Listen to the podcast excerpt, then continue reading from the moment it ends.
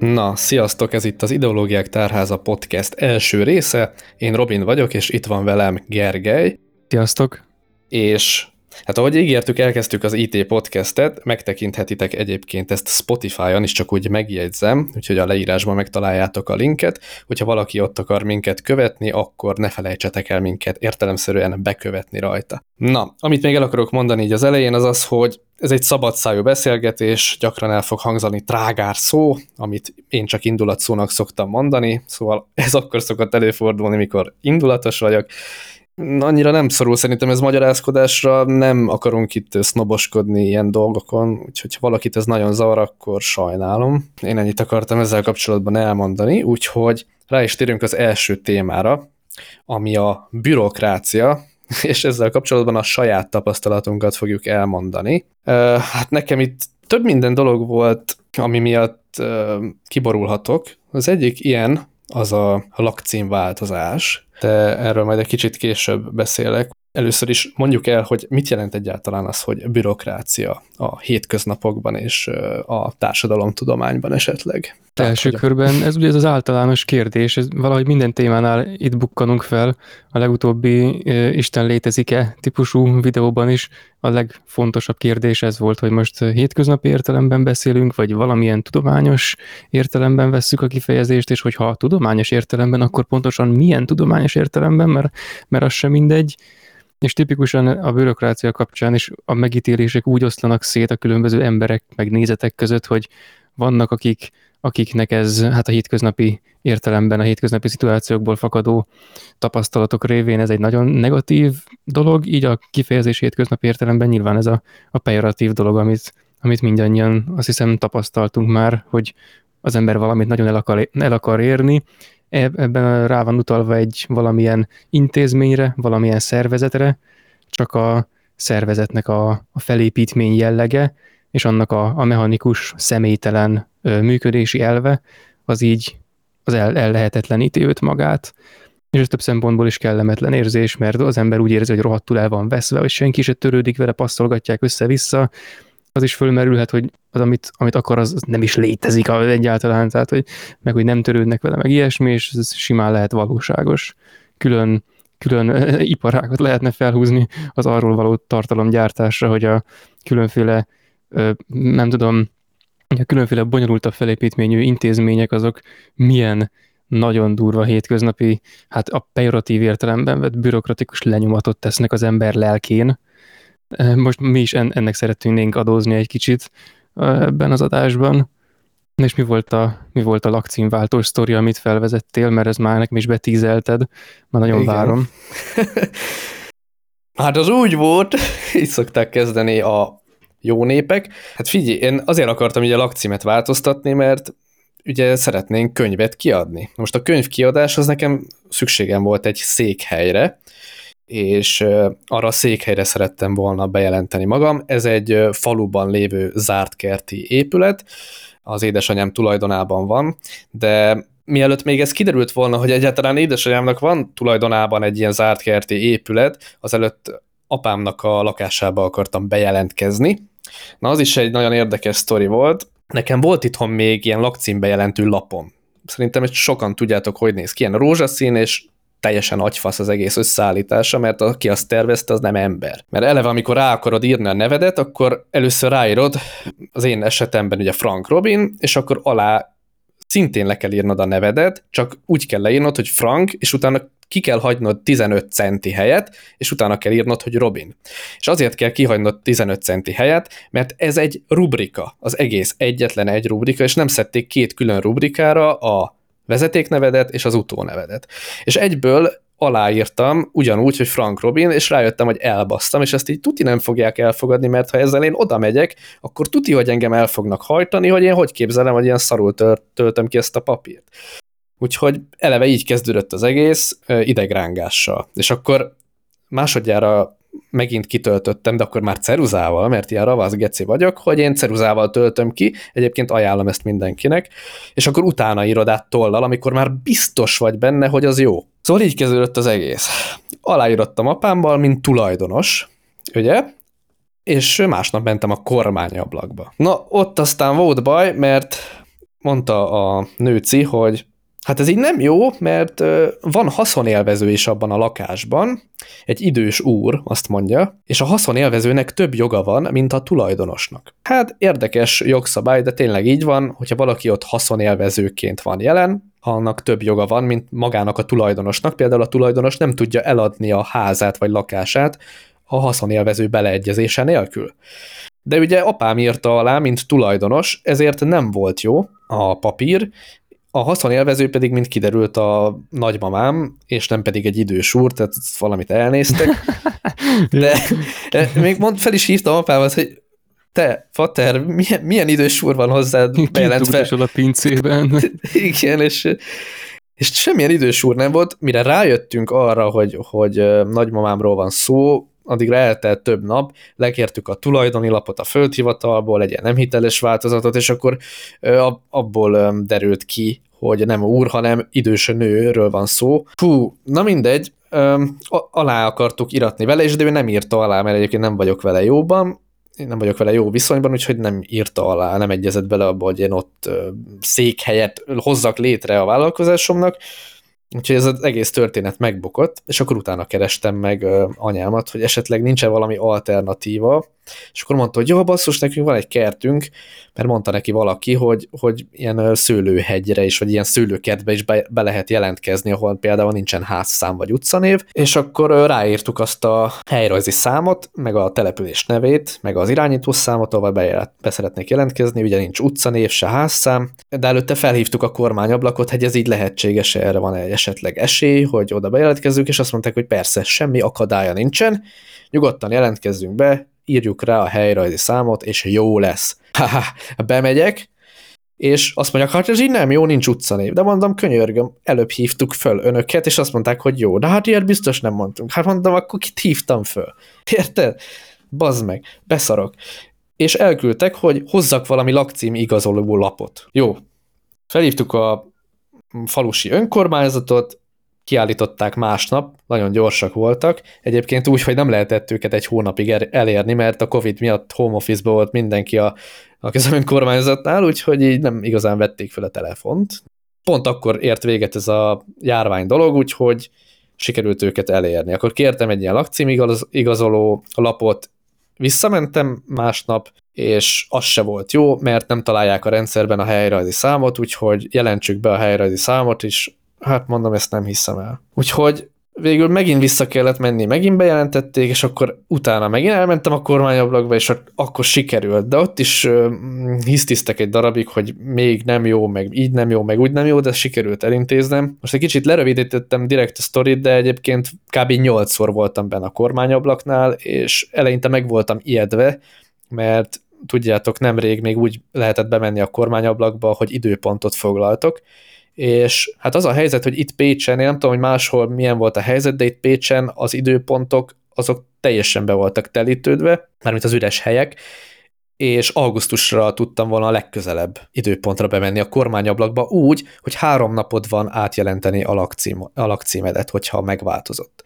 Ez így elég érdekes, és ez mindent elmond a bürokráciáról, hogy van rá három napod, és három hónap múlva tudsz csak bemenni a kormányablakba. És akkor szerencsére egy hét múlva ezt feloldották, már rájöttek a nagyokosok is, hogy hát ez így rohadtul nem jó, és akkor pont szerencsém volt, és sikerült ezt így elintézni, de egy teljesen másik faluban néztem kormányablakba időpontot, és oda is csak legközelebb egy hónap múlva tudtam volna menni, július közepén, úgyhogy teljesen ki voltam akadva, mert ugye valahogy e, mégiscsak el kell adnom ezeket a könyveket, és hát nem csúszhat ennyit az egész, amikor augusztus 1-ére raktam ki a végleges időpontot, hogy addigra mindenkinek el lesz küldve, de hogyha július közepéig itt megy a szarakodás, akkor itt nem lesz semmi. De szerencsére mm, sikerült elintézni, úgyhogy én nagyon örülök, ennyi az én történetem. Igen, hát ez a klasszikus példája a bürokráciának, és pont, a, pont az érződik benne legjobban, hogy van a, van a nagy, nagy szisztéma, a nagy rendszer, és annak minden egyes kis tagja, az csak a közvetlenül az ő feladatával van kapcsolatban, illetve közvetlen talán az ő felettesével. De mondjuk ilyen osztályok között ott átjárás, így működési szinten az, hogy kvázi egyáltalán nincsen, és ez, ez olyan, hogy van a, van a megtervezett rendszer, és az nincs tekintettel arra a világra, amiben létezik. És ez most akár mondhattuk volna, hogy így módon a, azok a rendszerek, amik végül így, így módon belefutnak a, a szarul működő, és hát így lecsapódó bürokratikus, nem tudom, döcögésbe, azok tipikusan az ilyen, hát nem tudom, túlhajtott, meg, meg a fene tudja, amikor valami hatalmas, és, és úgy vannak vele, hogy most előállítanak egy, egy, egy bármit, annak kitűznek egy, egy valami időpontot, hogy ah, jó lesz erre három nap, de igazából arra nincsenek felkészülve, hogy itt most emberek fogják kezelni a dolgot. Ennél mondjuk az én példám az, vagy ilyen, vagy ilyen személyes sztorim az sokkal kevésbé, kevésbé brutális, de ez is, ilyen, ez is ilyen klasszikusnak számító dolog, hogy egyetemen az ember bármit el akar intézni, nem tudom, át akar menni egy másik, nem tudom, laborcsoportba, vagy valamit akar, és nem tud, hogy, nem tudja, hogy kihez forduljon. És akkor hát adja magát, hogy írjon az ember a TO-nak, tanulmányosztálynak, és amikor azt így meghallja valaki, hogy írja a TO-nak, akkor már érzi, hogy itt mi fog következni, mert ebből az lesz, hogy hogy onnan vagy instant, instant visszakapja azt, hogy ezt nem, bocs, vagy azt, hogy beszélj inkább a valakivel, és akkor el lehet képzelni, hogy amekkora egy egyetemi ö, rendszer, ott itt bármelyik pozíció elhangozhat, hogy most kivel kéne éppen beszélni, és akkor ö, amit, amit az ember el tud képzelni, hogy kihez küldik utána tovább, a vége tipikusan az, hogy valaki visszairányítja a Teóhoz, és akkor annak az ember már másodjára már nem ír, hanem azt mondja, hát akkor bazd meg, mindegy, jó lesz nekem itt, ahol, ahol most vagyok. Ja de, és ugye ennek a, az egész bürokratikus dolognak, meg csak hogy nagyon műveltek is legyünk, a világirodalmi példája, vagy ilyen szépen kidolgozott, jól érzékeltetett változata, az a Kafkának a perje, ugye, amit ugye el kellett volna, hogy égessenek, de ugye nem tették meg sajnos, úgyhogy, illetve hát szerencsére neki sajnos lenne, hogyha élne, de abban érződik ez leginkább, nekem ez ilyen klasszikus olvasmányélmény, hogy olvasom, és így nem akarom elhinni, hogy, hogy ami történik, hogy ott aztán mindennel tudják szerencséltetni a K nevű emberkét, hogy mindenhova elküldik, és vissza és oda, és az elején még ő se gondolja komolyan, hogy, hogy ez tényleg egy, ez így létezik, és nem valaki csak megtréfálja, vagy valaki izé, és nekem is pont ez az élmény, hogy, hogy a, a dolog az annyira személytelen, de akik csinálják, azokat azért, amit ott az ember közvetlenül tőlük kap, tehát mondjuk egy ügyfél, ügyfélszolgálatost, azt ezért nem lehet hibáztatni, mert tényleg az olyan lenne, mint hogyha hibáztatnánk a, nem tudom, a, a csapszeget az akármiért, most valami nagyobb egész rendszer ki lehet volna hivatkozni, tehát valami, tehát mint a kis alkatrész, kérnénk számon az egész rendszernek a szartervezését.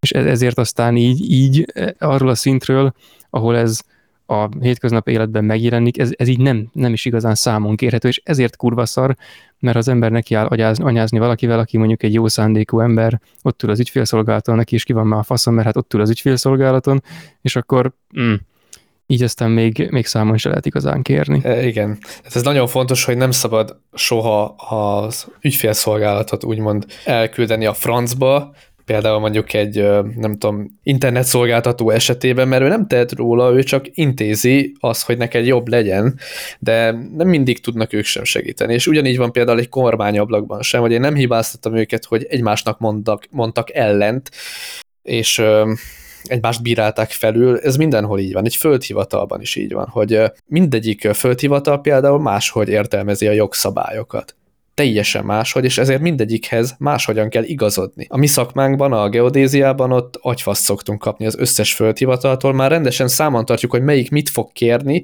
mert ö, nincs egység a rendszerben, és ez okozza a galibát, és ezért van az, hogy visszaküldik állandóan a munkánkat, mert az úgy nem jó, azt még bele kellett volna rakni, és akkor meglepődünk, hogy de hát miért eddig nem kérték. De most egy új ember van, és az most kéri. De hát nincs is benne a törvényben, nem baj, kéri.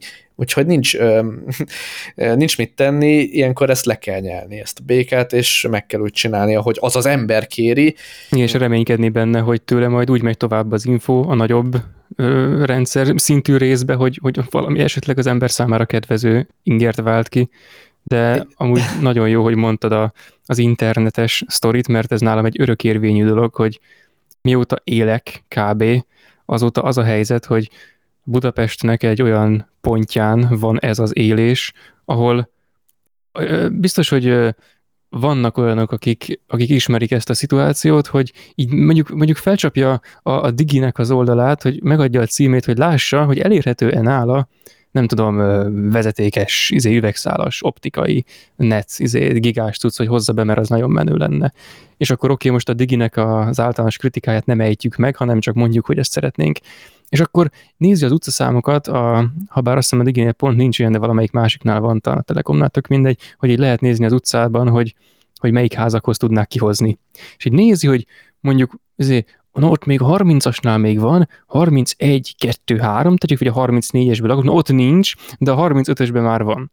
És akkor ez ugye az a szituáció, hogy amikor nem tudom, még a hőskorában az internetnek a különböző szolgáltatók egy rácuppantak bizonyos településekre, és akkor hát létrejöttek olyan deficitek, hogy az egymással való nem együttműködés miatt, amit egyébként azóta már azt hiszem törvényjel kötelezték, hogy muszáj legyen az együttműködést megvalósítani annak érdekében, hogy mindenhová jutasson az internet, azért ezt ők korábban nem, nem csinálták, és így lettek ezek a deficitek, mint például az én, nem tudom, helyemen, és ennek ugye ma már mennie kellene, de hát azért nem működik és akkor van úgy, hogy na valahogy mégis, mintha valamelyik szolgáltató ki tudna hozni egy normális netet, és így betelefonálunk, hogy na, akkor net, és minden tök jól megy, az oké, okay, hogy várni kell órákat nagyjából, amíg fölveszik, és hogy miután fölvették, az első alkalommal, amikor azt kiejti a száján a valamelyik ügyfélszolgálatos figura, hogy akkor ő most átirányít valahova, akkor már tudjuk, hogy az idegesítő zene az meg fogja ölni az idegrendszerünket, mert még 40 percig kell majd hallgatni, mióta valaki fölveszi, vagy csak úgy simán megszakadna, teljesen mindegy. De hogy miután az ember ez átverekszi magát, utána kijön a figura, hogy akkor lerakná, a, vagy behozná a netet, és már messziről látszik, hogy a történet nagyon gyanús, mert, mert nem, nincs nála létre, meg nincs nála kábel, van egy darab router a hóna alatt, és mikor megérkezik, akkor azt a kérdést teszi fel, hogy na hova rakjam.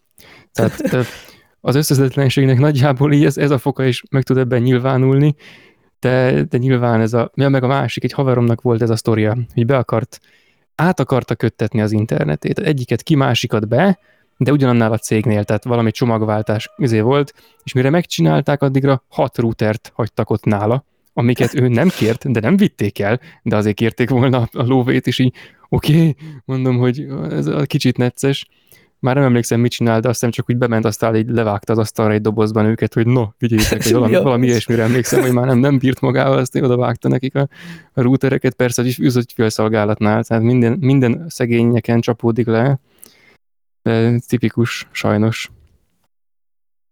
Amúgy nálunk is volt ilyen sztori, hogy be akartam kötetni ide az egy gigás netet pont a Diginél, és, és nem, nem, nem, nem, nem, köt... mert nem építik ki. Nem, nem az meg... volt a baj, van itt, csak azért nem köttetik ide be, mert hogy önkormányzati lakás.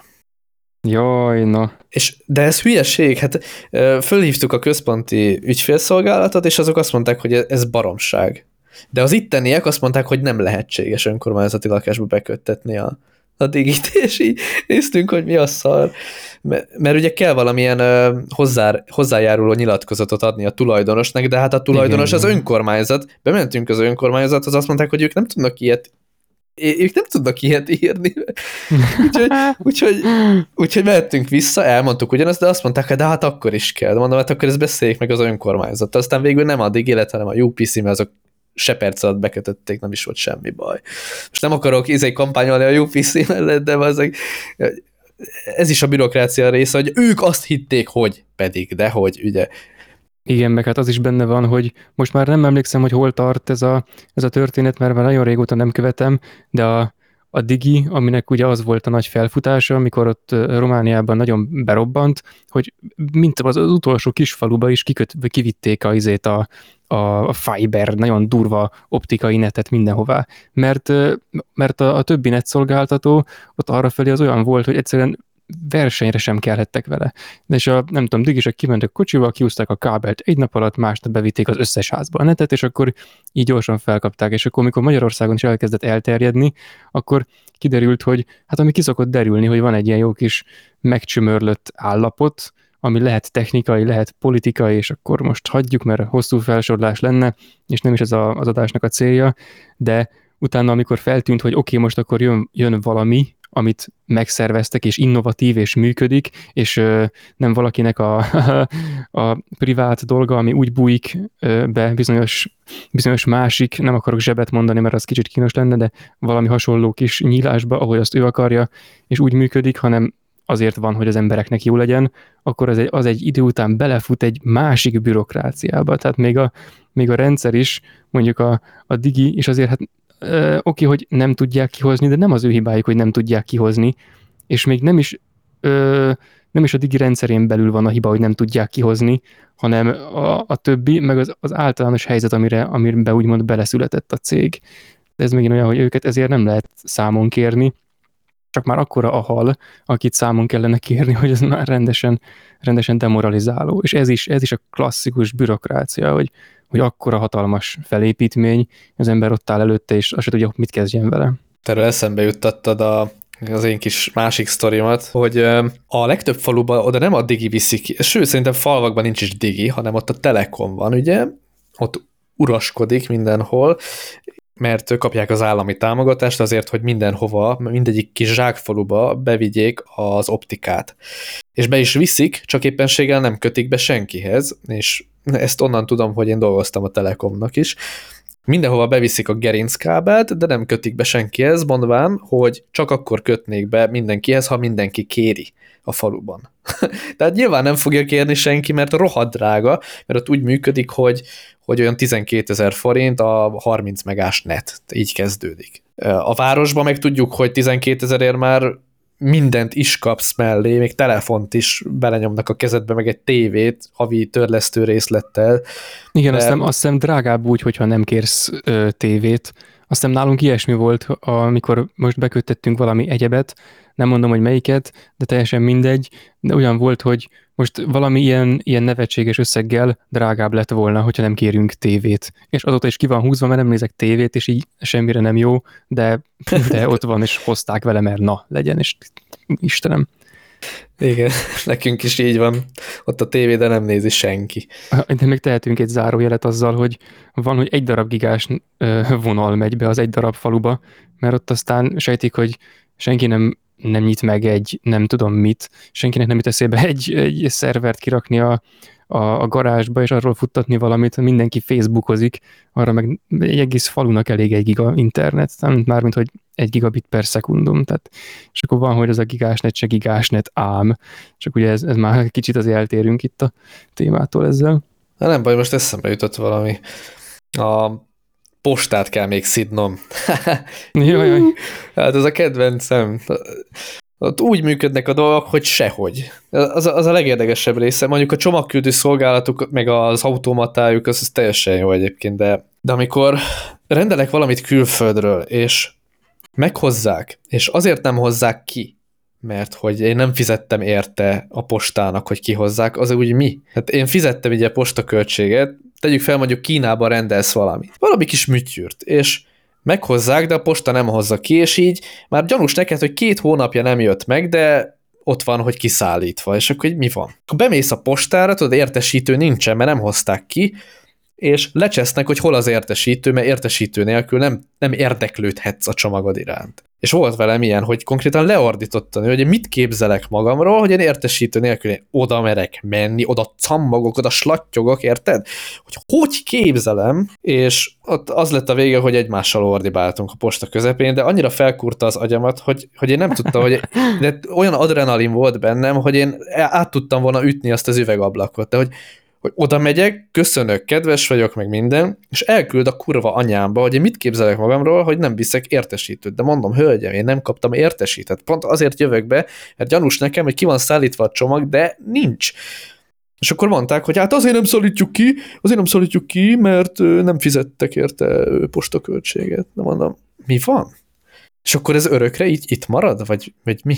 Tehát, Mostantól őrzik. Tudod, de, rá van írva, de rá van írva a telefonszámon, meg minden, akkor mi a kurva anyjáért nem tud felhívni, hogy menjek be érte? És akkor ott, ott rohadt volna meg az, az, az örökké valóságig. És még nekik állt följebb, és elmagyaráztam nekik, hogy külföldről jött egy csomag Frank Robin névre. Mondom, mennyi időbe kerül ezt megkeresni ö, csomagszám nélkül? Akkor nagy veszekedések árán megkereste nekem. Tudod, mennyi idő volt? 20 másodperc. Any, any, ott volt mögötte a doboz. És ezért kellett vele ordibálnom, meg ő is velem, és annyira szétcseszett az ideg, ott volt végig mögötte, akkor nyugodtam le, amikor odaadta és így oda baszta, tudod, így nem oda tette, oda baszta nekem. Na ezért utálom a postát, rohadtul rühellem, ezért nem is fogom a könyveket postával kiküldeni, hanem GLS-sel meg Fox poszttal. Ez szemben nincsen nekem postával leszerződni, vagy bármi. Iszonyatosan rühellem az egész rendszerüket, mert egy szar. És akkor ennek a sztorinak, bocs, hogy közben csak egy kis megjegyzés, hogy és akkor csak, hogy ne legyünk teljesen inkorrektek, bár azért nem baj, legyünk, csak hogy érted, és akkor ők meg nem tudom, ott ülnek, és van bizonyára N plusz egy olyan ember, mint amilyennek te is tűntél, akik így bejönnek, és elmondják, hogy nem kapták, meg nem tudom mi, akik amúgy megkapták, csak Isten verte balfaszok, és ugyanolyan balhét vernek ki, mint te, és egyébként, ha, ha megnézed, akkor például az, hogy ők úgy adják ki neked a csomagot, hogy nincs értesítőd, meg stb., akkor az már megint olyan, hogy ezen a ponton a, a szervezetnek a kerekei nyikorognak. Tehát ez itt megint a bürokrácia, csak most a másik oldala felől közelítve. Tehát itt ez most itt ez most rajtuk csapódik le, hogy valahol nem tudom, ahol behozták, ott nem tudom, nem küldték át a pénzt, vagy nem vették észre, hogy mégiscsak kifizették a szállítást, vagy csak úgy simán egyszerűen nincs olyan, hogy a postára beérkezik valami, ami külföldről jön, és akkor vigyék ki, és akkor egyszer csak létrejön egy ilyen helyzet, hogy hát akkor az örökké ott a, a postának az épületében, azt akkor mi van, ha egy csomó emberre megtörténik, akkor megtelik a posta, vagy mi a fasz? Tehát mindegy, tehát az ember elgondolkodik rajta, hogy most mégis miért történik ez, csak azért mondjuk ez is olyan, hogy nekem például olyan sztoriból van sok, hogy megyek ki a postára, vennék át valamit, és, és akkor valaki ott nagyon balhézik, de tipikusan ilyen istenverte hülyeségekkel, most pont nem tudok példát mondani, de, de egetrengető hülyeségre képesek a, az emberek is, ami miatt mondjuk a, a, a postának a munkatársainak meg át kell hágniuk a, nem tudom, a, a saját szabályzatukat egy kicsit, úgy valamennyire, ami ott az ő hatáskörükben éppen nem, a, nem veszi ki magát a legjobban. És igazából ez a baja a bürokráciának, hogy a, igazából nem, nem, ez az oka talán, hogy nem rugalmas rendszereket készítünk, hanem, hanem mechanikus, meg, meg statikus inkább olyan rendszereket. De nálam is úgy volt, csak hogy mondjak egy postás sztorit is, hogy én elő vagyok fizetve a Filmvilág nevű folyóiratra, amit amúgy le akartam mondani idén, de kiküldték a csekket, azt úgy voltam, hogy hát akkor bazd meg, most már befizetem még egy évre, na mindegy. De ez volt olyan, hogy mindig várom, hogy na mikor hozzák. Látom a Facebookon, hogy oké, okay, megjelent az új szám, akkor jönnie kéne az ének, de nem jön. És akkor írok egy e-mailt a, a izé filmvilágosoknak, tudom, hogy nem nekik kell, meg is írták, hogy írjak a postának, írok a postának, oké. Okay. Bürokrácia, első kör, megvan. Írok a postának. Írják, hogy jaj, bocs, majd küldjük, hát nem küldik. És írok még egyszer, hogy na mi van, de ez már hónap közepén, tehát megjelent, mint tudom, az első héten a, a szám, és akkor hónap közepén írok, mindig direkt sokat szoktam várni, hogy érezzék, és, és általában direkt mindig a sokkal korábban elküldött e-mailemre válaszolva küldöm az újabbat, hogy érezzék, hogy én ezt már mikor írtam. Na mindegy, és onnantól kezdve, hogy először írtam, úgy tűnik, hogy valami, valami nem kóser. Onnantól kezdve, hogy először szóltam, talán egy kicsit keveset vártam egyébként, lehet, hogy én siettem el, de onnantól soha nem hozták időben, tehát mindig írnom kellett egy e-mailt, ha meg akartam kapni. És mindig két hét után írtam egy e-mailt, hogy na most már kéne az a nyavajás újság, mert az előzőt már olvastam kétszer. És akkor küldik azért a, az újságot nagy nehezen, és volt úgy, hogy kurvára nem küldték ezt, de ez sokkal gyárt, én mindig írtam az e-maileket, mondom, nem baj, tehát legalább, legalább gyakorlom a fogalmazást, vagy nem tudom, írom az e-maileket, és egyszer, egyszer kurvára nem hozták, és elegem volt egy kicsit, de ez ilyen fél év után történt meg kb. és valahogy így valami, hát el lehet képzelni, nem vagyok túl agresszív, de azért szoktam, szoktam vicceseket írni, hogyha éppen magamat akarom szórakoztatni e-mail írás közben, vagy valakivel, nem tudom, egy ilyen ügyfélszolgálatossal kicsit köcsögösködök, mert nekem is kiáll a szórakozás, és én megírtam, hogy lehetőleg szeretnék feliratkozni azoknak az embereknek a listájára, akik megkapják, ha rendelnek valamit. Nem tudom, van-e ilyen lista, de úgy tűnik az első alkalommal, amikor szóltam, hogy nem kapom, akkor erről végérvényesen leiratkoztam, és valami És azóta azóta valahogy hozzák. De most, ha még egyszer szólnék, akkor tudti, hogy megint átkapcsolna valami kapcsoló, hogy na akkor itt, itt ez most írt egy valami e-mailt, akkor van egy, van egy beállítás, hogy na azok az emberek, akik e-mailt írnak, azoknál ezt átkapcsoljuk, és ami eddig így történt, az mostantól úgy fog történni. Aki eddig kapta, az mostantól nem kapja. És ez így, így megy, csiki tehát így nem, ez rendesen, rendesen demoralizáló. Ez szörnyű. Na ilyen nem lesz a mi zsebkönyvünknél, hogy nem kapjátok meg, úgyhogy emiatt nem kell aggódni. Mondjuk nekem a gls is van ilyen sztorim, de azt nem mesélem el, meg kompromittálom magunkat. ja, mit akartam közvolni? Ja, igen, hogy öreganyám mesélte, hogy ö, rendelt Kínából valami szart, és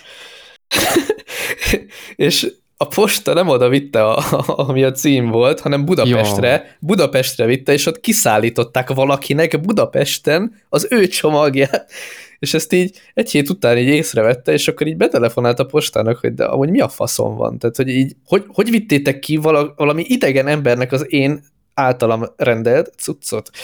És akkor nem tudtak rá választani, már majd utána járunk, tudod? Arra tippeltünk, hogy a, a, akinek kiszállították az ő csomagját, annak, az, annak a csomagja majd hozzánk fog landolni, de nem így lett. Öreganyám nem kapott semmilyen csomagot, és végül az sem lett meg, nem találta a posta, nem is tudta visszaigényelni, hát valaki jól járt, tudod. Valaki kapott egy... Valaki kapott egy, egy, nem tudom, égőt, vagy nem tudom, mit rendelt már, úgyhogy örültek neki biztos a... De ez a, ú, ez a címes hülyéskedés, ez akkora hülyeség, ez egyszerűen ezt nem is tudom feldolgozni. Nálunk, a, amikor rendelek valami, valami pizzát, vagy nem tudom, akkor volt egy időben az, hogy, hogy következetesen máshova vitték ki. De ez valószínűleg nem a pizzások hibája, bár az övék is, mert Google tér, térképek kurva könnyen meg kellene találniuk a, a házat, de úgy van, hogy hogy a mi házunk van itt nem tudom, egy utcának a sarkán, de nem a saroképület, hanem attól egyel bejjebb, és a saroképület az nem tudom, valami cég, izé, de annak a, a bejárata az már a, a mellékutcában van. Viszont az épület az, az nagy részt, az nagy hányadában a izén, a, a mi útunkon látszik.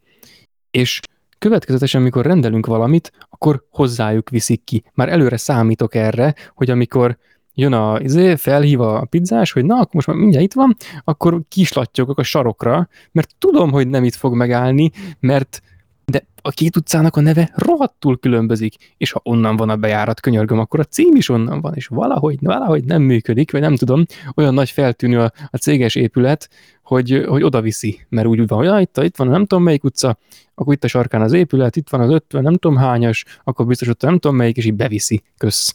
Mondjuk ez már annyira nem bürokrácia már megint, de most már minden jelengettük a, ezeket a sztorikat. Hát jó, most itt nem muszáj teljesen a demokráciáról beszélni. A bürokráciáról. Demokrácia, bürokrácia, persze. Neki kibújt a szögezsákból. De, de ú, van Friday elszólás. izé, uh, ja, hogy nekem is van ilyen, ilyen sztorim a kaja kiszállítással, hogy pont ugyanez van nálunk is, hogy a cégem ez egy saroképület, de sose oda jönnek, hanem egyel felette lévő utcához. Én nem tudom, hogy hogyan, hogyha beírom én a házszámot a Google-ba, akkor pontosan oda dobja ki, ahol van az épület, de valamiért sosem sikerül, már be, beleírtam a leírásba és ilyen megjegyzésbe, tudod, ilyen pontos leírást adok a kerítés színéről, hogy mindig nyitva van a kerítés, rajta van egy rohadt nagy 9-es szám a házon, tehát hogy hogy Mert érdemes hogy ilyeneket figyelni. Igen, akkor van egy rohadt nagy cégtábla, és előtte még a cég nevét is beleírtam a megjegyzésbe, és Igen, tudod, akkor se találják írni, meg. Tudod, tehát amikor már úgy fel vagyok baszva, hogy megjegyzést írok, akkor általában azt írom bele, hogy valami ilyesmit szoktam, hogy izé, és szeretném felhívni szíves figyelmüket arra, hogy a nem tudom, mondjuk Arany János utca 3 tám, az az Arany János utca felől van vagy valami ilyesmit szoktam beleírni, hogy bassza meg, tehát a ház, aminek a címe egy utcában van, akkor az a ház, az valószínűleg ott lesz, tehát ott keressék, és ne a másik utcába vigyék ki, aminek a más a neve, és más, hogy van.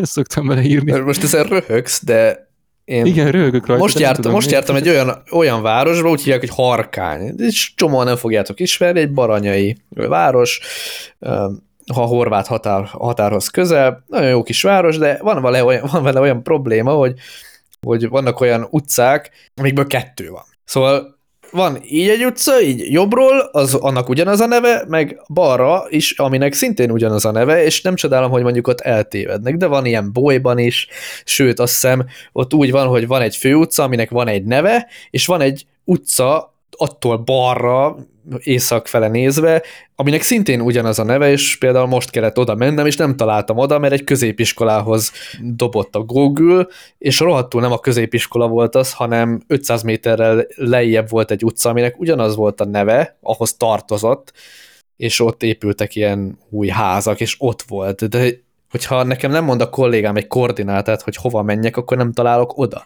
Szóval vannak ilyenek, de a mi esetünkben nem ez történik, csak szimplán balfaszok. Ez szerintem, egy jó végszó a témára. Szerint, igen, szerintem. szerintem ezt meg is beszéltük, hogy áttérhetünk a második témára, aminek azt adtam most így hirtelen, hogy az emberek agyára ment a járvány, ez a cím. Mit szólsz a címhez? Most adtam Igen, neki. átterjedt, áttétes a járvány az emberek agyában. Igen, itt arról van szó, hogy tudjátok, volt ez az 5 milliós mérföldkő, hogyha elérjük, akkor nem kell például maszkot húzni közterületen. Ez tök jó, én ennek nagyon örültem, bár tudom azért vannak olyan emberek, mint például Barát Csaba, aki szerint én ilyen, ilyen elmebeteg vagyok, és uh, még a seggemre is maszkot húzok, ami nem igaz, hát csak egy... Barát Csaba, az Borát Csaba, tudod, hát most... Mm, teljesen elmentek neki otthonról. Az, hogy én lehülyézem azokat, akik szerint a vakcinába chip van, az nem jelenti azt, hogy én ilyen vírusrettegő vagyok, mert így szoktak engem hívni ezek az emberek. Nem vagyok vírusrettegő, én egyszerűen csak tudom, hogy van, volt járvány, most már ugye nincs, mert annyira kevés embert fertőződött meg, hogy most már nem lehet járványról beszélni, vagy hát a tököm tudja, lehet, hogy igazából sose volt, csak a statisztikát húzták föl. Én nem tudom, nem is akarok ilyen összeesküvés elméleteket gyártani, tehát csak az alapján tudok beszélni, ami, ami a hivatalos adat. Annyi biztos, hogy sosem voltam sem vírusrettegő, de vírus tagadó sem, hogy szerintem semmelyik épelmélyű ember nem tartozik egyik szélsőséghez sem, hanem egyszerűen arról van szó, hogy ha van egy helyzet, akkor próbálok eleget tenni a, a törvényeknek azért, hogy minél előbb túlessünk ezen a szarságon, és hát ugye ezért is oltattam be magam, mert úgy gondoltam, hogy hát végül is nem lenne jó az, hogyha mondjuk egyrészt nyáron nem mehetnék sehova, ahova mondjuk kellene az a szaros igazolvány, amit egyébként nem kaptam meg másodszorra se, de nem akarok visszatérni a bürokrácia témára. Szerencsére van mobilap, úgyhogy ebből nincsen gond. Már mondjuk az egy szar, de mindegy. Kezdődik. Visszakéreckedik a bürokrácia. Igen, igen, mindenhol megjelenik. Szóval én úgy gondolom, hogy attól, hogy van egy helyzet, attól nem lesz senki hülye, hogyha, hogyha valamit ilyenkor öm, akar vagy nem akar. Itt arról van szó, hogy amikor valaki ilyen őrült módon tagad, vagy őrült módon retteg, ilyenek például azok az emberek, akik a kocsiban egyedül ülnek, és ugye maszkot húznak, tehát az, az, az egy ilyen őrült módon rettegés, meg vannak azok, akik ö, nem húzzák föl csak azért sem a maszkot, hogyha felszállnak a tömegközlekedésre, és ö, nem oltatják be magukat, mert mindenki bekaphatja, mert ő egy akkor a punk, hogy ő ezt nem fogja megtenni. Ez is egy szélsőség. Szerintem mindig érdemes az arany középutat választani, és ö, mérlegelni, és nem egyikhez vagy másikhoz csapódni. Viszont itt az a helyzet, hogy amikor volt ez az 5 milliós mérföldkő, akkor én fölmentem Facebookra, ami egy nagyon ritka pillanat, mert rühellem a Facebookot, de, de fölmentem rá, és akkor így, hát tudjátok, megnézem akkor a kormány miket írt ki, mert hát azért mégiscsak érdekel, nem azért, mert akkor a kormány fanatikus vagyok, hanem azért, mert azért mégiscsak jobb, hogyha az ember tájékozódik időben a különböző járványügyi intézkedésekről, és ugye itt én azt figyeltem, hogy miket oldanak fel, mert alig vártam már, hogy feloldjanak egy csomó dolgot. És köztük volt az is, hogy a maszkot ne kelljen hordani a közterületen, mindenki nagyon örült neki, viszont volt rengeteg ember, aki nem olyan mint mondjuk én, hogy, hogy minden nap figyelem a híreket ilyen kérdésben, hanem mondjuk három naponta néz rá, vagy hetente néz rá, vagy egyáltalán nem néz rá, hanem majd a rokonok majd tájékoztatják, vagy a barátok, és volt sok olyan ember, aki nem értesült időben arról, hogy már nem kell maszkot hordani az utcán, hanem mondjuk három nappal később. És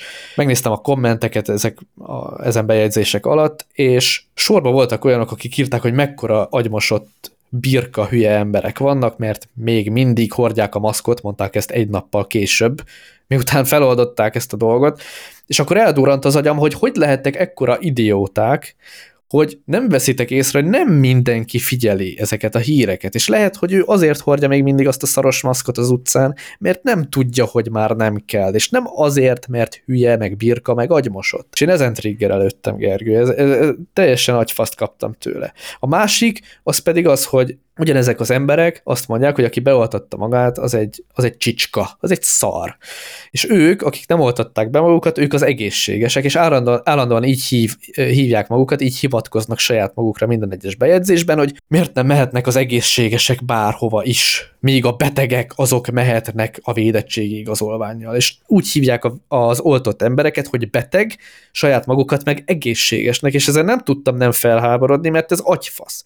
De meg az egész, az, az olyan, hogy amit még a, a maszkhordással kapcsolatban mondtál, hogy, hogy Aztól most, hogy a kormány feloldotta, hogy a, a tiltást, illetve hát a kötelezést, a, ami a maszkok viselésére vonatkozik, én egyébként ennek örültem a legjobban, mert gyűlölök maszkot hordani, mert nem kapok a levegőt.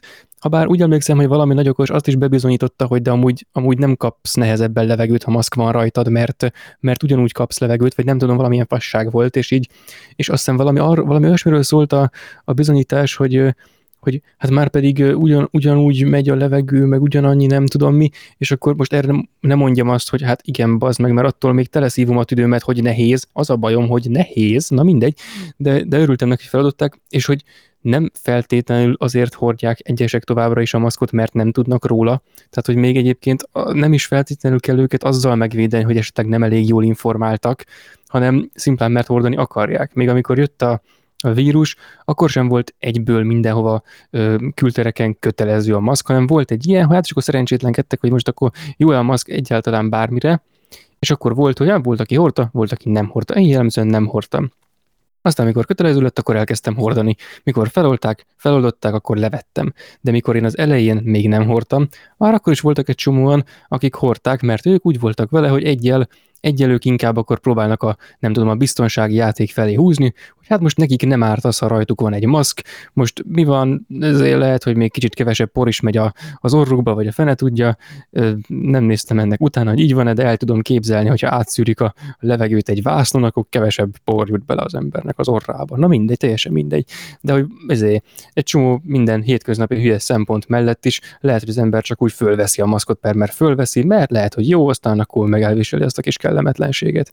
És akkor ebbe, hogy most eltelt egy, egy nem tudom mennyi, egy fél év, eszkalálódott, illetve egy év, meg annál is többet kicsivel, mindegy, és akkor közben a maszknak, a, a maszkoknak, illetve a maszknak, mint olyannak a megítélése, az már annyira elharapozott, meg eszkalálódott, meg eldurvult, hogy már, ha valaki, nem tudom, tovább hordja, akkor az már vagy egyik, vagy másik, tehát vagy gyökér, vagy megint csak gyökér, csak más előtagot kap a szó, igazából teljesen mindegy, a gyökérség benne a lényeg, de ez ugyanolyan, hogy mint például az, hogy én is látok egy csomó embert, akik, mm, akik csak úgy simán is hordják a, a, az utcán a maszkot, és én is néha elgondolkozom, hogy egyébként most ez azért lett feloldva, mert már senki nem bírta meg ilyesmi, de egyébként most ameddig a járvány lecsengezte az intézkedés, simán bent lehetett volna hagyni. Tehát most ez olyan, hogy teljesen mindegy, nyilván kellemetlenség, meg nyilván van, aki könnyebben veszi, van, aki nehezebben veszi, és akkor vannak a vírus tagadók, meg vannak a maszk tagadók, olyan is van, tudni,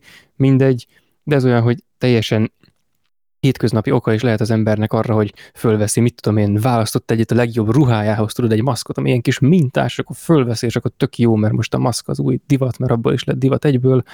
Tudod, ez olyan, hogy de nyilván mindent azon a, azon a tengelyen kell megítélni, ahova az így, így belett sorolva, hogy hát akkor most a, a maszkot, mint minőséget, azt kisajátította magának a, a két szélsőség, az egyik a tagadó, a másik meg a, meg a kibaszottul igenlő, és így eh, ennyi, ennyi eddig tartotta a maszkna. Nem, mintha annyira nagy jelentősége lett volna egyáltalán, de mégis most már úgy tűnik, hogy, hogy annyira sikerült fel, felfújni, hogy a, a minimális jelentőséggel mellett már nem is lehet letenni a, a voksot, mert akkor ó, Isten, akkor az ember egyből tagadó lesz, vagy, vagy nem tudom melyik lesz már, de valamelyik biztos rettegő, lesz. Rettegő is. Az, igen. Egyébként jó, hogy mondtad ezt a por dolgot, mert tök jó a porra, meg a pollen ellen is tök jó. Én onnan tudom, hogy két éve én hordtam maszkot, amikor erdőbe mentem nyáron, mert ott, tudod, azért vannak ott ilyen, ilyen kis gaznövények, amelyek kiváltják belőlem a, az allergiás reakciót, és teljesen jó a maszk olyankor, de hát amikor valaki a városba hordja a maszkot úgy, hogy nem kell, és úgy hordja, hogy tudod, az orra kilóg, akkor, Jaj, így, ak- ég. akkor így nem értem, hogy mi a pöcsöm történik. De ez amúgy Mert- egyik se, ez már egy harmadik, amikor, amikor így lehúzva hordja, de látványosan nem akarja, de akkor Igen. minek hordja, úristen? Igen, nem kell, nem akarja, és még rosszul is hordja, és ez teljesen, teljesen kész vagyok ettől. Igen, de amúgy én, én nem értem őszintén, hogy mi húzódik meg e mögött. Mármint, oké, nekem is van olyan, hogy így lehúzom az orromról, és akkor na most veszek egy levegőt, mert már nagyon régóta levegőt akarok venni, és akkor most akkor meg, megengedem magamnak. De aki így következetesen így hordja, az, az nem tudom, az, az, az mit, mit gondol? Tehát, az, hogy most, hogy nem, nem tudom, nem is bírom kitalálni. Tehát ez, Ne, nem, én nem tudtam még megfejteni, de rá kell állítani a kutatókat, meg a tudósokat De- erre. De olyan is van, a brit tudós, szóval, de olyan is van, hogy ezt amúgy csak elmondásból hallom, egy csomó ismerősöm mesélte már, hogy olyan közvetlen az ő ismeretségi körébe tartozó emberrel van kapcsolata, tehát már csak egy ismerősnyire vagyok az ilyenektől, akik ami előtt tüsszentenek, így lehúzzák, így tüsszentenek, aztán visszahúzzák, és amikor az ember megkérdi, hogy mi a fasz, akkor azt mondják, hogy hát, hát, hát de, hát de fikás lesz, vagy nem tudom. Az meg, hát nem ez volna a lényege? Ez a lényege, meg, és hogy koszos lesz, hát akkor kimosod. Mi a nadrágodat nem szoktad kimosni, hogyha beleszarsz? Nem, nem mint a feltételezném, hogy beleszarik, de könyörgöm, tehát ez katasztrófa.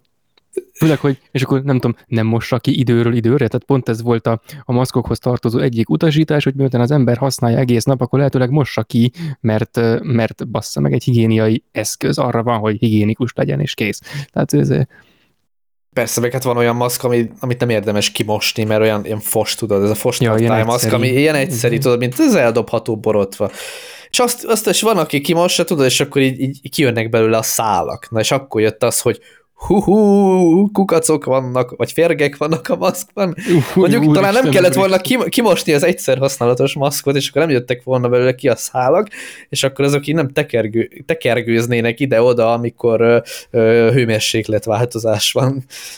Jaj, basszus, erről volt a, a Just Widmannek az a az, az azt hiszem egy perces vagy másfél perces videója, amiben ezt olyan kurva jól összefoglalta, ilyen animációs hülyeség, azon hogy egyébként agyfaszt kaptam, de zseniális. Tehát ott van valahogy így, hogy állnak a, nem emlékszem sajnos, nem tudom jól elmondani, de azért megpróbálom, tehát így, nem tudom, állnak ott a, a busz megállóban azt hiszem ketten, és akkor beszélgetnek erről a témáról, mint hogy mi, hogy ó, nem tudod, hogy kukacok vannak benne, és akkor adjál már hülyeséggel, és végül kijön a kukac belőle tényleg, tudod, és az még, tehát Isten verte fasság. De tudod, mi a, mi a legnagyobb baj ezzel az egész maszkkal? Az, hogy politikai vitát csináltak belőle, tehát itt most már aki, aki maszkot hord, az, az a fideszes geci, mert hogy be, benyalta Orbánnak a hülyeségeit a vírussal kapcsolatban, aki pedig nem hordja, az pedig a baloldali geci, aki viszont minden téren ellene van Orbánnak, és ezért nem tudom, veszélyezteti a társadalmat a lázadásával, és szerintem ez egy, ez egy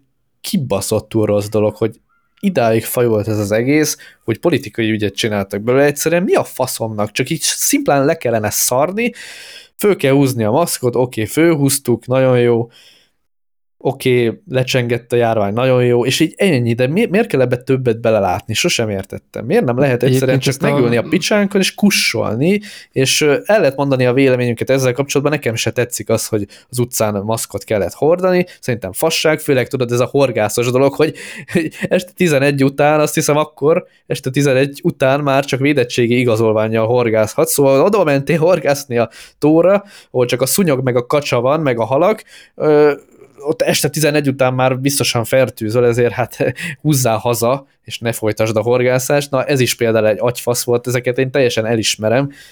Nagyon-nagyon idióta döntéseket tudtak hozni, amit senki nem ért, hogy miért van, de azért na. Még akartam akartál? valamit, csak Igen. elfelejtettem, hogy mi Na. lehetett az. Szerintem mindent elmondtunk, úgyhogy menjünk a harmadik témánkra. Jaj.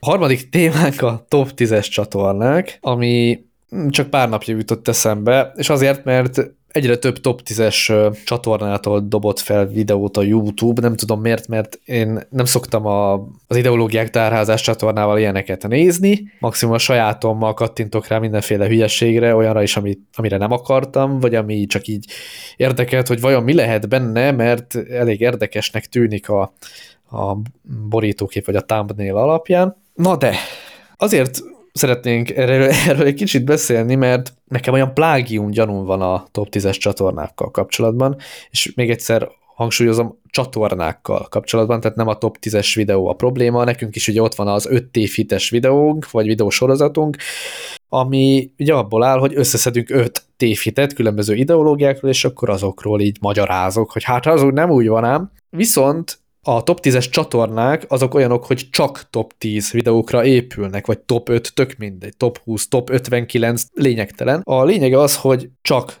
top 10, és teljesen egymástól eltérő témákról, tehát mondjuk hétfőn kiraknak egy videót, hogy top 10 csíkos zokni, és a következő napon pedig top 10 halálbüntetés, utána pedig top 10 kommunista, tömeggyilkos, meg ilyenek, és teljesen egymástól eltérő témákat hoznak fel, ami azt engedi feltételezni, hogy ezek az emberek nem értenek egyikhez se, amiről éppen beszélnek, hanem úgy készítik a videókat, szerintem, hogy rákeresnek Google-ben, hogy top 10. Így ennyit beírnak, hogy top 10. Angolul akár, vagy spanyolul, oroszul, tök mindegy milyen nyelven, de rákeresnek. És keresnek olyan cikkeket, amelyekben top 10 dologról beszélnek. Mondjuk top 10, nem tudom, allergiás gyógyszer, vagy top 10...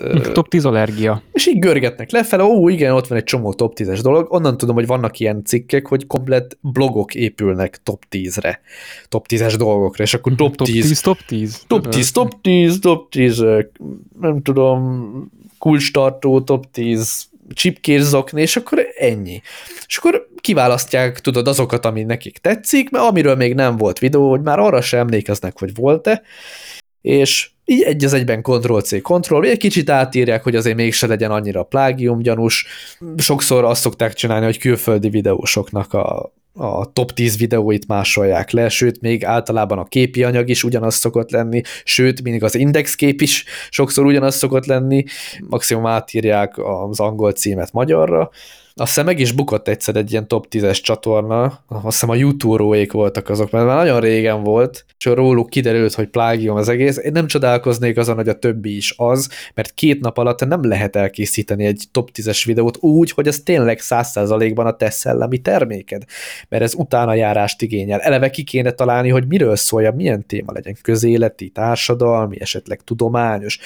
Ki kéne találni, hogy miről szóljon pontosan. Még azon belül is ugye szűrni kellene, és utána utána kellene járni mind a tíz dolognak, amit összeírtál, de már, de már összeírni is nehéz tíz dolgot. Én onnan tudom, hogy nekem öt tévhitet összeírni különböző ideológiákkal kapcsolatban már megerőltető, és egy napig tart, amíg kigondolom. Reggel így elkezdem kigondolni, és akkor estére összeáll, hogy igen, ez lesz az az öt, ami tök jó lesz és akkor rámegy egy vagy két napig megírom, és utána még megszerkeztem, narrálom, az egy hét, vagy, vagy ha nincs egy hét, akkor három-négy nap, de akkor beleadok apai anyait, de nem tudnék kettő nap alatt ilyet csinálni, ezek pedig folyamatosan fossák ki kettő naponta ezeket a videókat.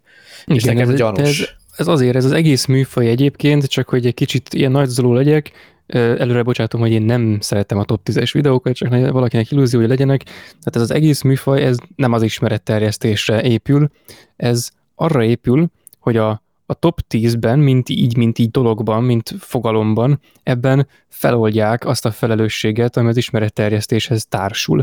Tehát az, hogy összeállítanak egy listát, az tök mindegy, hogy milyen témában teszik, hogyha nem specializálják úgy, hogy mondjuk, nem tudom, top 5, nem tudom, izé, istenérv, mondjak valamit, tudod, hanem vagy mondjuk egy, nem egy olyan témában gyűjtenek top 10 dolgot, ahol az egyértelműen meghatározható mondjuk top 10 algoritmus hatékonyság szerint valamire. És így, ahol az egyértelműen megmondható, most csak a szélsőségeket azért soroltam fel, hogy ne legyen kétség felül, hogy én ezekről valamennyire tudok, de például az, hogy ezek így módon teljesen szubjektív listák lesznek ezért aztán bármiről készíthet listát, random is felsorolhatja azokat a dolgokat, amik a top 10-ben lesznek, mert, mert az, hogy de nyilván adódik a műfajból, hogy ez egy, ez egy szubjektív dolog.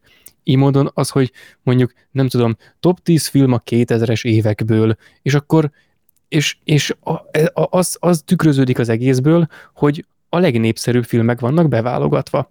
És akkor adja magát a kérdés, hogy most akkor vajon az összes többi ilyen dologgal kapcsolatban is a top 10 a világon leginkább felkapottabb témát válogatták be a, a, a, a legjobbak közé, tehát azokat, amikre rákeresve, vagy egyáltalán amiket a, a világon az ember elsőként meglát, ami elsőként szembe jön. Ez, ez tényleg olyan, hogy van egy, van egy téma, én még el is hiszem egyébként, hogy csak úgy simán felötlik benne, hogy na, nem tudom, top 10 almalé, és így be egy almalé, vagy nem tudom, és megtalálja a top 10 legnépszerűbbet, és akkor azokat így berendezi, és még akár hozzá is csapja, hogy miért, mert hú, hát egyik így egészséges, meg rostos, meg nem tudom, tehát elmondja azt, ami rajta van az almának a dobozán, vagy az almalének a dobozán, meg, meg stb. Tehát, hogy így, általában ezek a, a könnyen befogadható témák, meg a közönségnél a, a legnagyobb szórásra törekvő témák azok, amik, amiket feldolgoznak, illetve hát ők törekednek ezáltal a közönségben legnagyobb szórásra, tehát hogy a lehető legtöbb embernek legyen ez egy ilyen kényelmes dolog, hogy megnéz egy ilyen videót, és akkor ó, biztos lesz egy a tíz között, ami az övé, és mivel benne volt, ezért úgy, úgy örül neki, mint hogyha ő is benne lett volna a videóban, és mivel egy ilyen, nem tudom, híresebb csatorna, ezért már azt, azt is elnézi, hogy mondjuk nem az első helyre, csak a negyedikre rakta az ő kedvencét, de legalább ott van, még ki is egyezik azzal, hogy hát a másik alamalé tényleg jobb, és akkor nem tudom, volt egy ilyen kis, kis élmény ezzel kapcsolatban, és amúgy, amit még az adás előtt mondtál, hogy mindegyik alatt ugyanaz az ilyen buzi, ilyen, ilyen kis, kis kedves kis zene megy a háttérben, hiába van tömeggyilkosságról, emberi áldozat szám szerinti sorbarendezés, vagy almaléről cucc, ugyanaz megy a háttérben. Ez a, van egy ilyen, egy ilyen standard top 10-es algoritmus, az, az alapján készítik az ilyen videókat, és én nem vagyok arról meggyőzve, hogy ez nem pusztán a, a, a témáknak a népszerűsége alapján való sorba rendezés szerint történik, mert nagyon úgy tűnik egyébként, hogy mögött nincs kutatómunka, nincs uh, ismeretterjesztésre való törekvés, vagy elhivatás, vagy ilyesmi, hanem az van, hogy igen, jól bevált, jól eladható, könnyű műfaj, és így módon gyártható anélkül, hogy sokat kellene rajta gondolkodni. Nem hiába nem, gyár, nem gyártanak olyan videót, hogy ah, nem tudom, top 10 ideológia, akkor mi a faszom lenne, tudod? Tehát most érted? Nem tudom, kettes fasizmus, és így megszűnik a csatorna. Vége. Tudod miért, tudod miért van az, hogy ismeretterjesztésre nem alkalmas?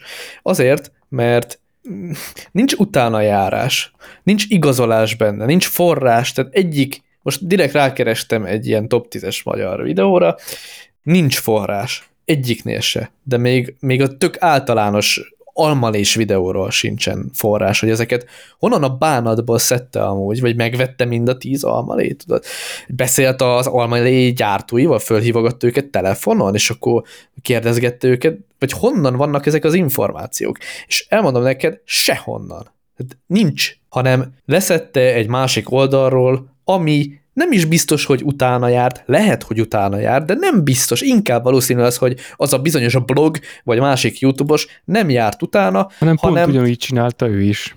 hanem pont ugyanígy csinálta ő is, egy másik valakitől vette át, az a másik valaki egy másik valakitől, és mondjuk a legelső, aki, aki ennek az elején van, az lehet, hogy utána jár, de még az de sem ez, biztos. Ez pont olyan, mint a, amikor beülnek az emberek egy sorba, az elején elindítanak egy darab szót, belesúgják az elsőnek a fülébe, aztán az utolsótól megkérdezik, hogy mi volt az. És amíg mindenki elmondja tőle egyel valamerre ülőnek azt a dolgot, teljesen el, elváltozik az információ.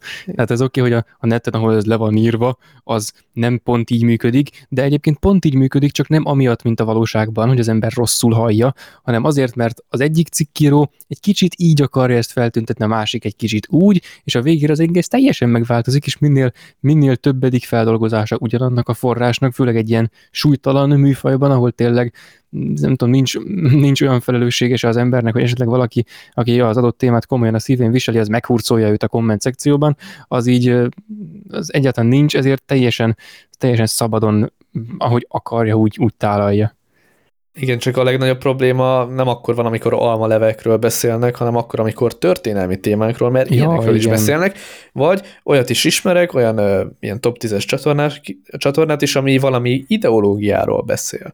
És amikor megnéztem, akkor teljesen agyfaszt kaptam tőle, mert tele volt hülyeséggel, és nem azért, mert én mondom, hogy hülyeség, hanem ez egy ilyen, ez egy ilyen általánosan elfogadott tény, hogy az nem úgy van, ahogy ő mondta, hanem ő is nem tudom, egy blogról olvasta, egy elfogult blogról mondjuk, és onnan van az információ, de lehet, hogy a blog is valahonnan szedte, és teljesen eltorzul az egész, ugyanígy születnek egyébként a pletykák is. Egyáltalán nem hiteles, és attól kapok agyfaszt, amikor most megnézem, hogy milyen, ja, már nem lehet megnézni, hogy milyen kategóriában vannak ezek a videók, vagy én nem tudom, hogy hol lehet megnézni, de most meg akartam nézni. Régen kiírta a legalján, hogy nem tudom, oktatás, vagy szórakozás, de most már nem írja ki a YouTube, ha jól látom. Na mindegy, meg akartam nézni, hogy milyen kategóriában vannak rakva ezek a videók, mert hogyha szórakoztatásban vannak, akkor oké, akkor ugye elmegy. De hogyha oktatásban van rakva, akkor nagyon sürgősen töröljék le, mert elzsibad az agyam tőle. Nem is a magától a videótól, hanem attól a ténytől, hogy ezzel hülyítik az embereket, mert amikor hamis információt adsz át az embereknek, nagy tömegeknek, és ezeket a videókat több százezren nézik, jellemzően egyébként gyerekek, akkor akkor azért engem idegesít, hogyha tele van olyan információval, ami nem igaz. És Viszont cserébe azt a követelményt, hogy könnyen befogadható, azt teljesíti. És Igen, ez, csak ez könnyen befogadható fasság. És tehát könnyen befogadják a fasságot. Ezáltal elbutítják a, a gyerekeket. Oké, hogy oktatás a szándék, de hogyha teljesen hülyeség, amit mondasz, akkor nem oktatsz vele, hanem butítasz. Persze a, aki nézi, az azt gondolja ilyenkor, hogy ő most okosabb lett, és nem tudja, hogy nem így van, de még a top 10-es videó készítője sem biztos, hogy ő tudja, hogy egyáltalán igazat mondott-e, vagy, vagy valami teljesen hamis, fals információt. Lehet, hogy ő sincsen vele tisztában, és én ezt tartom valószínűleg, hogy ő sincs vele tisztában, hanem utána nézett egy blogon, és ahelyett, hogy mondjuk kinyitott volna egy történelemkönyvet, vagy elolvasott volna szakmai oldalakon arról a témáról írásokat, ahelyett egy bloggernek a hülyeségét, vagy egy másik YouTube videósnak a, a hülyeségét mondta el, és azért is káros, mert ő nem tudja, hogy ez káros, hogyha, hogyha valami baromságot mond, főleg mondjuk ideológiákkal kapcsolatban. Azért mondom az ideológiákat, mert minket ez érint leginkább, hogy én próbálok azért küzdeni, hogy, hogy a sztereotípiákat eltávolítassam az ideológiákról, mert nem jó az, hogyha sztereotípiák alapján gondolkodunk ilyen fontos témákban, ami mégiscsak meghatározza az életünket, azok, a, az, azok az eszmék, még akkor is, hogyha valaki azt gondolja, hogy neki nincs eszméje, mindenkinek van maximum, nem lehet így tűpontosan behatárolni, hogy ő melyikhez áll közelebb, mindenkinek van, és hogyha ez el van torzítva, akkor teljesen torz világkép alakul ki az emberben, és úgyhogy ezt azért nem szeretem.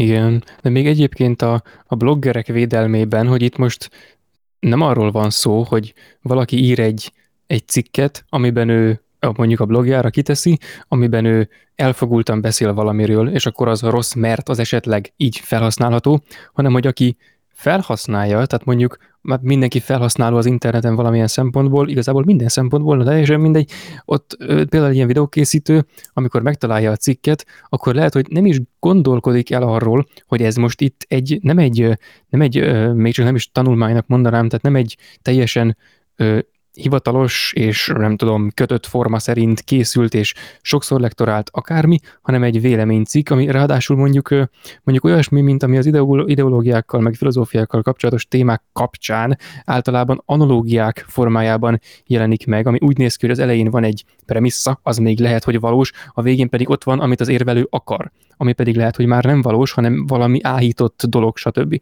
Ezért ilyesmiből valamit úgy kiemelni, hogy előtte az ember nem nézi meg, hogy ez most egy véleménycikk-e, vagy sem, vagy pedig egy, vagy pedig egy érvelés, egy általános izé, mert ezeken a blogokon egyébként tipikusan az ember belefuthat igazán nagyívű, meg, meg jó kis gondolatokat felvonultató dolgokba, amiknek a végén már az ember hat körrel arrébb van, mint ahonnan kiindult, ha ezt a két dolgot, az elejét meg a végét mondjuk egy szóban össze lehetne foglalni és egymás mellé tenni, akkor el is tudnák képzelni, hogy a kettőnek bármi köze van egymáshoz, de hát erről szól az analógia, meg erről szól az érvelés, meg stb., amikor valaki konkrétan a saját irodalmát gyártja. Ez olyan, mint hogy valaki nem tudom, beszélne az erkölcsről, de mondjuk olvasott egy egy embert, egy filozófust, egy ideológust, aki írt valamilyen erkölcs filozófiát. És ahhoz képest van ezer millió, és akkor ez olyan, hogy azt így beleteszi egy videóba tényleg, és valaki ezt így mechanikusan megtanulja. És akkor azután terjed, mint az állat. Hát ez, ez van, hogy ez, ez így adódik, és a, a, a felhasználónak aki mondjuk a videókészítő, tehát abban a források felé nézve ő felhasználó, tehát neki ott van felelőssége, hogy ott legyen a, a, a nem tudom, az ő intelligenciájának a csúcsán, amikor megítéli, hogy ez most milyen forrás, amivel éppen dolgozik, a másik pedig a, a videót befogadó, aki pedig erre nézve felhasználó, az meg ő tudja, hogy hányadán kezelje éppen ezt a témát. És pont ez a baj, hogy amikor e, hogy ezeknek a top 10-es cuccoknak még ha nem is feltétlenül ennyire torz az egész, és még nem is száz százalékában ennyire torz vagy stb., akkor is, akkor is hatalmas követőbázisa van. És potenciálisan bármikor előkerülhet olyan téma, ahol, ahol ez, ez, ez nem elég, hogy, hogy 15 perc keresés után kirakott egy, egy valamit. És egyébként az is benne van, hogy mondjuk az ilyen top 10-es tartalmaknak a, a készítése, az azért megy ilyen gyorsan, mert Sőt, az előfeltétele annak, hogy ilyen gyorsan mehessen az, hogy nem foglalkozik a témával elég mélyen. Ugye nem lehet mindentől elvárni, hogy a témát a legnagyobb mélységében kifejtse, én ettől is herótot szoktam kapni, amikor valaki azt mondja, hogy hát akkor most vagy mondd el elejétől a végig az egészet, vagy nem mondjál semmit. Az éneknek általában azt mondom, hogy hát akkor mutasd meg, hogy hol a vége, mert egyébként pont erre gondolok itt, hogy egy amikor az ember elkezd egy témával mélyebben foglalkozni, akkor rájön, hogy hát a, az információk, a befogadható és a megosztható információknak a mennyiség az kb. végtelen, de vannak különböző szintek, amiket így meghatároznak, hogy igen, most itt ezen a szinten, ebben a témában erről így ennyit mondunk. És ha valaki így megkaparázta a tetejét, megspékeli egy-két általános ö, sztereotípiával vagy, vagy tévképzettel, akkor ezzel nem csak az, hogy oké, félreinformálja az embereket egy olyan szinten, ahol az még talán nem végzetes, hanem el is üti őket esetleg az, az érdeklődéstől, ami esetleg a, a téma iránt bennük kialakulhatna.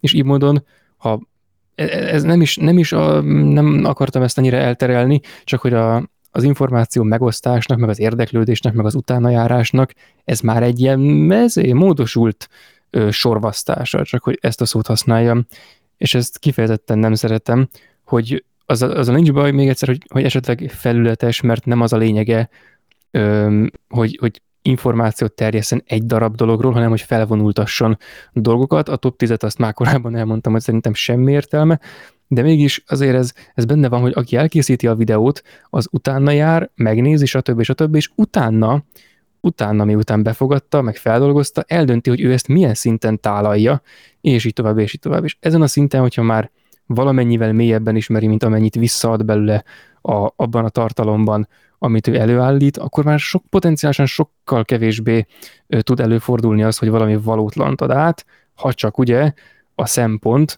ami arra indítja az egészet, hogy a könnyű befogadhatóság mellett voksoljon, az meg hát ugye a, a kifosható, rövid idő alatt sok tartalmat előállító lelkület mellett, akkor az nem fog ilyen utána járást csinálni, és ez gáz. De akkor legalább megtehetné azt, hogy lektoráltatja azt, amit összeszedett. Na, az meg a másik egyébként, igen. Bár az megint olyan, hogy a sokáig tartana, meg talán pénzbe is kerülne. E, igen, de, de akkor meg ne csináljon olyanról videót, ami, ami mondjuk természettudományos, vagy mondjuk e, filozófiáról szól, vagy bármi ilyesmi, és, és, és nem, nem ért hozzá, nem biztos abban, hogy jó-e az, amit írt. Mi is szoktunk ugye lektoráltatni, mert mi sem vagyunk mindig százszerzelékig biztosak abban, hogy tökéletes-e az, amit írtunk, és mi úgy szeretnénk mindent átadni, hogy egyrészt objektív, másrészt pedig nincs benne hiba. Mondjuk nincs benne egy elcseszett évszám, vagy valami rossz kifejezés, vagy fogalom, vagy fogalom zavar van benne esetleg, vagy, vagy valami teljesen másra gondoltunk, és rosszul írtuk, mindegy, tök mindegy, ezért van történelem lektorunk, neked is van ugye a filozófiában olyan, akinek el tudod küldeni, hogy nézze már meg. Vannak is taron, igen.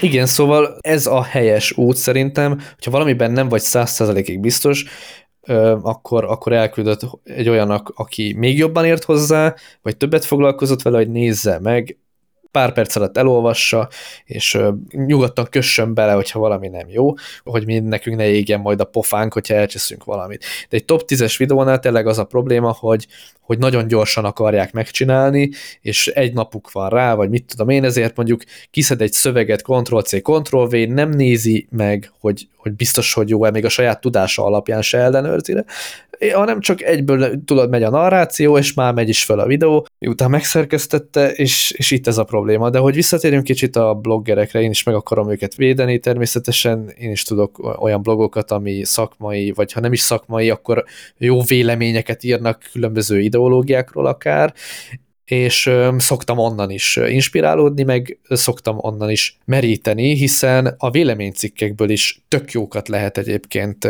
meríteni, de akkor azt nem úgy kell csinálni, hogy csak az egyik oldal véleményét olvasod el, hanem kapásból már a másik oldal véleményét is el szoktam olvasni, hogy össze tudjam rakni magamba a képet, hogy az egyik miért gondolja úgy, ahogy, és a másik pedig miért érvel az ellen. És akkor így össze tudom általában rakni, hogy aha, szóval ő azért gondolja azt, amit, mert, és akkor a másikról is ugyanezt el tudom mondani, és ezért tudok általában objektív videókat ideológiákkal kapcsolatban írni. Például most volt ez az öt hit az anarchizmusról, néztem olyan cikkeket, meg blogokat, amiben az anarchizmusról írnak úgy, hogy védik, hogy már pedig nincs igaza a jobboldaliaknak, mert az anarchizmus nem is ez, meg az, meg ez. Megnéztem anarchizmus ellenes véleményeket is, és abból próbáltam így összerakni, meg a saját tapasztalataim alapján, hogy én miket hallottam, és akkor így ebből kijön egy objektív valami, és meg lehet nézni a kommenteket, aki anarista, az is örült neki, meg aki utálja az anarizmust, az is örült a videónak, mert mert látta, hogy, hogy ez objektív, és, és oktatni akar, és ennyi. Igen, meg azért az sem mindegy, például, hogyha valami necces téma van, ahol nem lehet egyértelműen megmondani, hogy most mi a helyzet, de vannak jellemző mondjuk ismerhető források, amik állítanak valamit, de nem biztos, hogy objektívek vagy stb., akkor azt lehet úgy tálalni, hogy a befogadó közönségnek előtte ott elmondja, hogy hát ez meg ez az emberke, aki egyébként hasonló ö, dolgokat val, mint, és akkor valami, amiről éppen szó van, ö, és akkor nem, nem úgy tálalni ezt, mint egy általunk átszűrt tartalom, hanem mint egy átvett tartalom. És akkor, és ez, ne, ez nem annyi, hogy a felelősséget hárítjuk, hanem ez annyi, hogy a, az a dolog, amit nem tudunk egész biztosan integrálni egy tartalomba, az mondjuk nem úgy jelenik meg, mint, hát mint egy integrált tartalom, hanem mint tényleg egy átemelt tartalom, ahol ami lehet úgy van, lehet nincs, de legalább a, az ember, aki befogadja, az látja, hogy ez most jött valahonnét, és akkor ott van neki, hogy majd hogy ítélje meg ő, mert ez nem, mert lehet, hogy éppen nem olyasmi, amit meg lehet ítélni objektíven. Ez is egy külön, nem tudom, egy külön adást megérdemelne, hogy lesz is valami hasonló egyébként belegondolva, hogy mi, a, mi az objektív, mi az, ami kívül áll. Hát én egyébként pont az ilyesmire gondolok, hogy még csak nem is az, hogy pusztán bemutatja a dolgot, megnevezi, összegyűjti az infókat és felsorolja különféle kreatív formákban őket, meg a, a befogadást könnyítő, meg barátságosá tevő formákban a, a különféle információkat, hanem úgy adja át őket, mint, mint, sőt nem is úgy átadja, hanem belehelyezi valami keretrendszerbe. Mindig is, egyébként én mindig így álltam mondjuk a, nem tudom, a, a filozófia, hogy ez végül is semmivel nem több, mint az, hogy, vala, hogy az ember elhelyezi a, a dolgokat a világban, hogy meg helyén kezeli őket, meg ilyesmi. Tehát erről szól az egész. Nem, nem, nem meg arról, hogy, hogy az egészből egy személytelen info felsorolás legyen, és nem is arról, hogy egy, egy szubjektív dolog legyen objektív köntösben. És egyébként a szubjektivitással nincsen semmi baj. Hát hány olyan, olyan ja. ö, ö, top 10 összeállítás van, ami szubjektív, igazából az összes az, de én egy csomót el tudok fogadni, meg, meg egy csomót szeretek is, de azok nem arra épülnek, hogy a, hogy a csatorna koncepciója az, hogy csak a top 10, hanem van top 10-es tartalma is mondjuk annak az adott csatornának, és ott száz százalékig ő írta a szöveget, ő szedte össze azt a top 10 dolgot, ilyen például ugye Puzsérnak az a Snobjektív című műsora is, ő találja ki azzal, akivel vezeti majd a műsort, vagy akivel e-, együtt lesz a műsorban, és ő írja meg rá a szöveget a másik emberrel együtt, és ott előadják ketten a saját szubjektív álláspontjukat, de a száz százalékban az ő kitalációjuk, és nem Benne valahonnan... Is van a, nevében, abból képezték a műsornak a nevét. Igen. A snobból meg a szubjektívből Igen, igen, Igen, és, és nem valahonnan le Ctrl-C, Ctrl-V-zték az egészet, és még nagyon sok ilyen van, aki, aki ugyanilyen jól csinálja ezeket, és ezzel nem lenne baj, de tényleg ez, ez a plágium része az, amiről az elején is beszéltem, hogy tényleg azzal van a baj, hogy olyan lopottnak tűnik, hogy ilyen gyorsan nem lehet ennyiféle témáról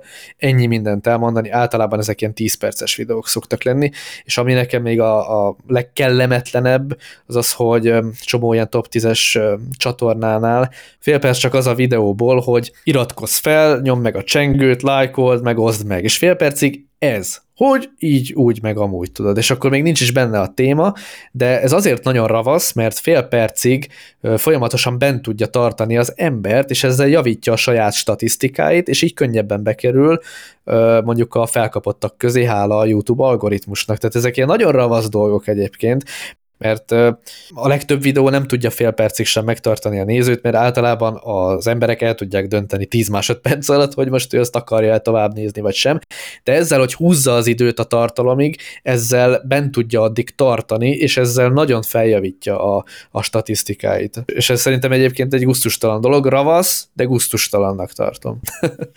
Igen, igen, és összességében egyébként nekem is ezzel az a, a legnagyobb problémám, hogy nem bevallottan szubjektív, és mivel ezt tudja magáról, hogy nem bevallottan szubjektív, ezért nincs, nincs is ö, szükség rá, hogy mondjuk a saját dolgát találja ki, mert ez, amit, amit te is mondtál, hogy, hogy hát úgy nagyon lopottnak tűnik, és akkor jöhetne a kérdés, hogy hát mert mit csináljon, érted? Tehát átvesz egy infót, átadja, még az objektív info átadás így történik. Csak ugye ez a, ez a műfaj, ez egy szubjektív műfaj, ennek bevallottan szubjektívnek kellene lenni, és a saját véleményét kellene közölnie, és ezt előre kéne bocsátani, hogy itt most egy vélemény fog következni, nem valami, nem tudom, jóváhagyott tudományos akármi, amit izé beigazolható, meg, meg bizonyítható, meg hasonló. Tehát elkezdik hirdetni egy meg egy az három, és akkor oké, okay, mindenki érzi, mert kurvára triviális, meg mert, meg mert nagyon könnyű bizonyítani, hogy nem úgy van. De amint nem ilyen könnyű bizonyítani, amint olyasmit ragadnak ki egy témából, ami annak a mélyében gyökerezik, de mondjuk van egy aktuálisan egy nagyon népszerű kinövése, azt így lenyisszantják, és azt így megmutatják,